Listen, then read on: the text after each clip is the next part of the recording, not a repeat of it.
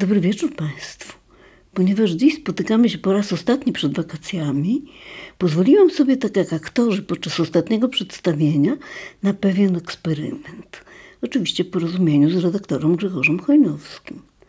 Otóż parę miesięcy temu na pewnym wernisażu w programie artystycznym w wykonaniu nastolatków zwróciła moją uwagę pełna wdzięku dziewczyneczka o jasnym głosiku i bardzo dobrej dykcji, śpiewająca piosenkę z kabaretu starszych panów w czasie deszczu dzieci się nudzą. I pomyślałam, że chciałabym to dziecko usłyszeć na antenie. Powiedziałam o tym jej mamie, obecnej na wernisażu. Okazało się, że dziewczynka ma na imię Kamilka, co dla mnie stało się jej dodatkowym walorem, bo przypomniało mi moją pierwszą w życiu ukochaną przyjaciółkę, Kamilę Zagórską, o której mówiłam Państwu w ubiegłym roku w jednej z moich lwowskich opowieści. Choć ta zbieżność nie ma żadnego znaczenia artystycznego, ale dla mnie ma pewne znaczenie emocjonalne. A tymczasem w naszej rozgłośnie akurat rozpoczynała się kolejna edycja Akademii Młodego Radiowca. Mama Kamilki zapisała ją i w dniu 1 czerwca, Dzień Dziecka, Kamilka zadebiutowała na naszej antenie, czytając dwie wiadomości razem z kolegą z Akademii. A ja już wcześniej zaproponowałam jej, żebyśmy razem spróbowały przeczytać mój znany już Państwu tekst o mojej Kamilce. Zrobiłyśmy parę prób. Pan Krzysztof Praczyk nas nagrał i za chwilę to Państwu przedstawimy.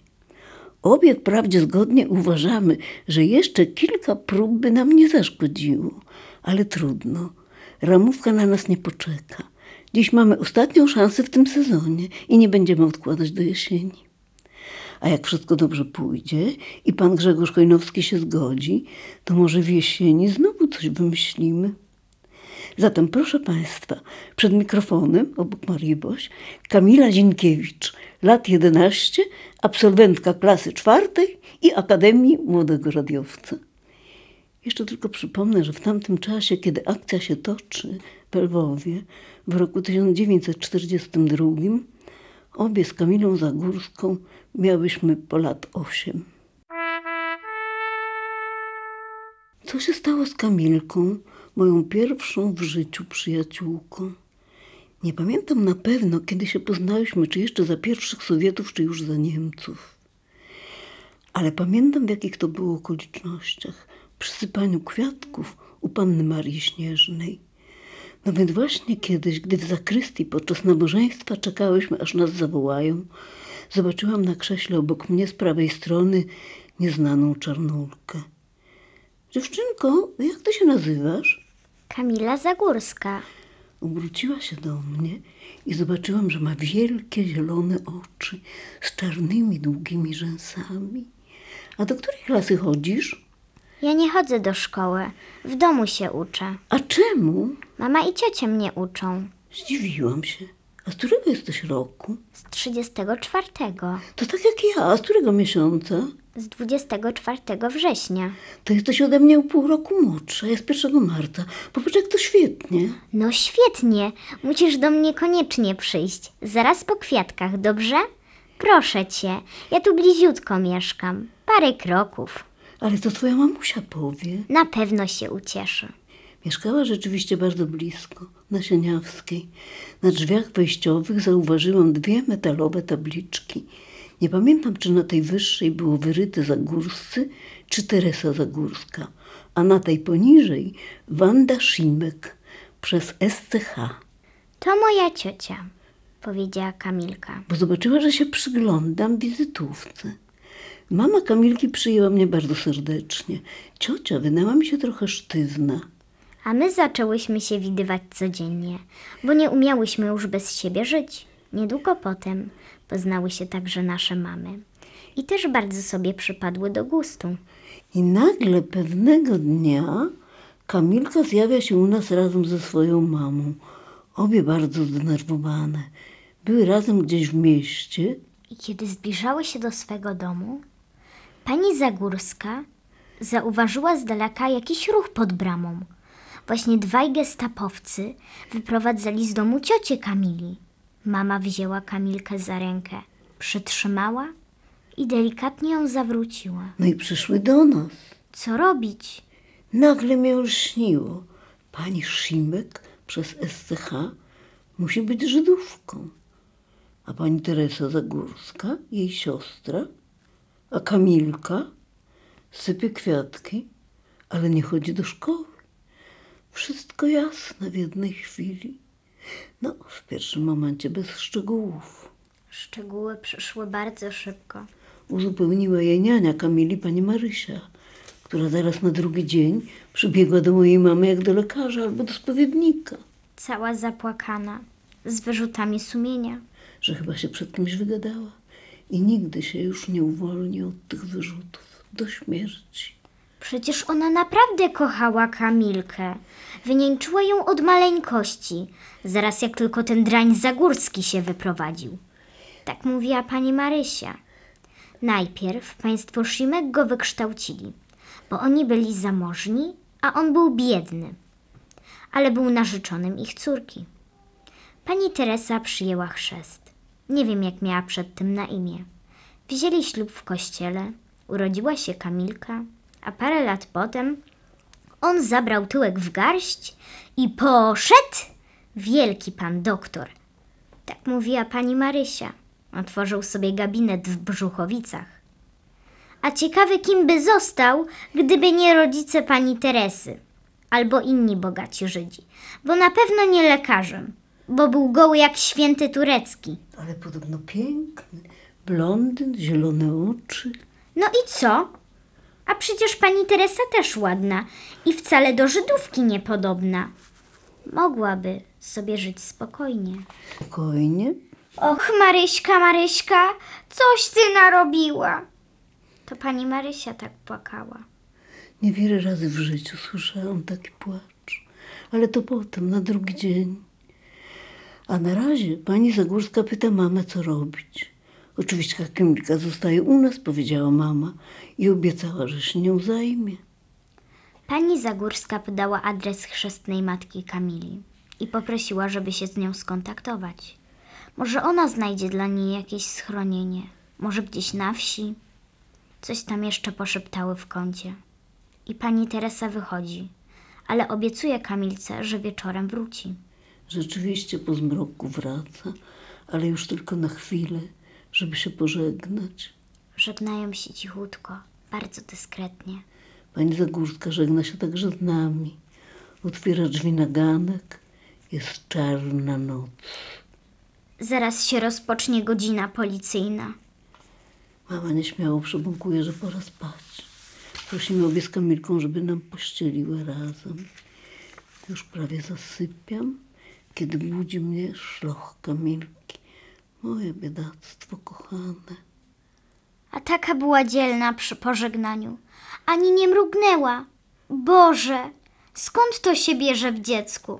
Tyle dzielności, tyle siły. Moja biedna kochana. Nawet nie śmiem jej pocieszać. Nie wiem jak. Co ja jej mogę powiedzieć?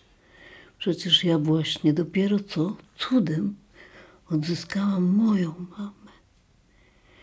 Rano mama budzi nas delikatnie I prosi, żebyśmy się pośpieszyły, bo musi nas osobiście zaprowadzić razem do szkoły i poprosić wychowawczynię panią Zaczyńską, żeby przyjęła Kamilkę do klasy.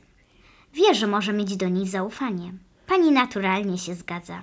Zapowiada tak niby mimochodem, że mamy nową koleżankę, ale że zapisze ją później, bo teraz musimy szybciutko przystąpić do nowej lekcji. Kamila jest tak inteligentna i dobrze wychowana, że doskonale potrafi się zachować w nowych warunkach i wobec różnych ludzi. Na drugi dzień też jeszcze idziemy razem do szkoły. Ale moja mama tymczasem przygotowuje dla niej miejsce w swoim szpitalu. I trzeciego dnia kładzie ją na oddziale zakaźnym, tam gdzie teraz sama pracuje, na Franciszkańskiej. Na Franciszkańskiej jest teraz o tyle spokojniej i bezpieczniej, że Niemcy strasznie się boją epidemii i szpitale zakaźne omijają z daleka. Więc mama przechowuje tam niejednego nielegalnego pacjenta. Ale to i tak jest wielkie ryzyko, bo przecież wymaga porozumienia i zmowy co najmniej kilku zaufanych osób. Kamilka leży w szpitalu na sali razem z dorosłymi pacjentkami. Z nikim nie rozmawia. Całymi dniami czyta książki. Jak dobrze, że tak lubi czytać. Ja przychodzę do niej codziennie, opowiadam jakieś durnoty o szkole, a tymczasem niania szuka kontaktu z panią Wandą Józefowicz i jej chrzestną matką. Wreszcie po kilku dniach, może po tygodniu, ta pani się zjawia i odbiera Kamilkę ze szpitala. Znowu trzeba się żegnać. Wychodzimy we trzy, idziemy kawałek razem.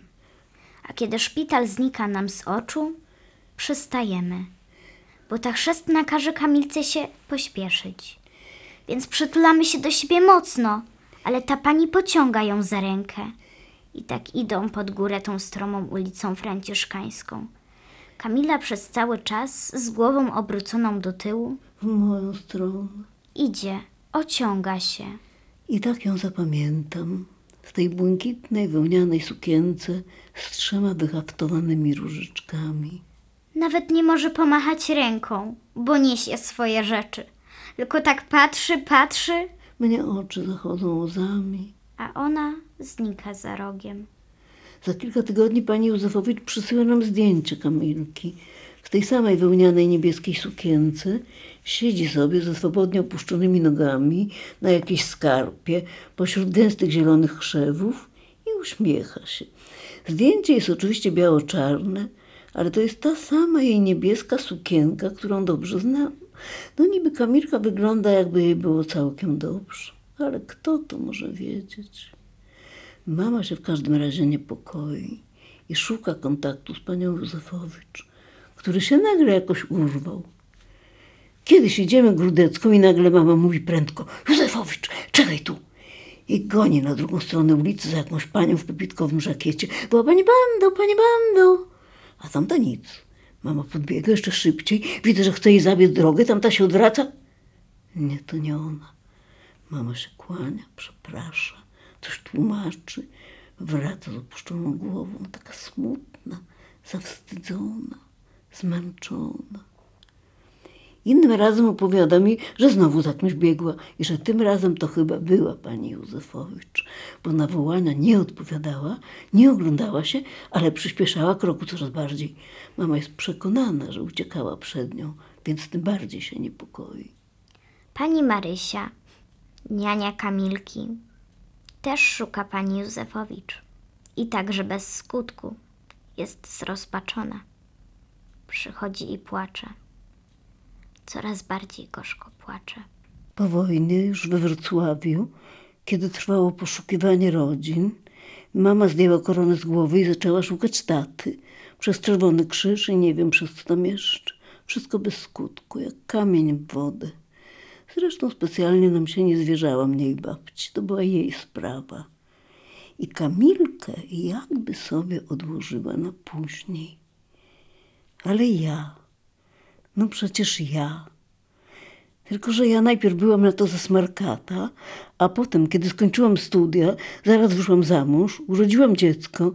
Pierwsza praca, druga praca i od czasu do czasu takie szarpnięcie. Co z Kamilką? I że trzeba by szukać. Zna przecież jej datę i miejsce urodzenia, nazwisko panieńskie matki, to właściwie wszystkie potrzebne dane. No dobrze, to jutro. A jutro jakiś nowy własny problem albo nowe pilne zadanie. Kamilko, gdzieśkolwiek jest, jeśliś jest, przebacz i staw się przede mną lub snem, lub cieniem, lub marą nikczemną.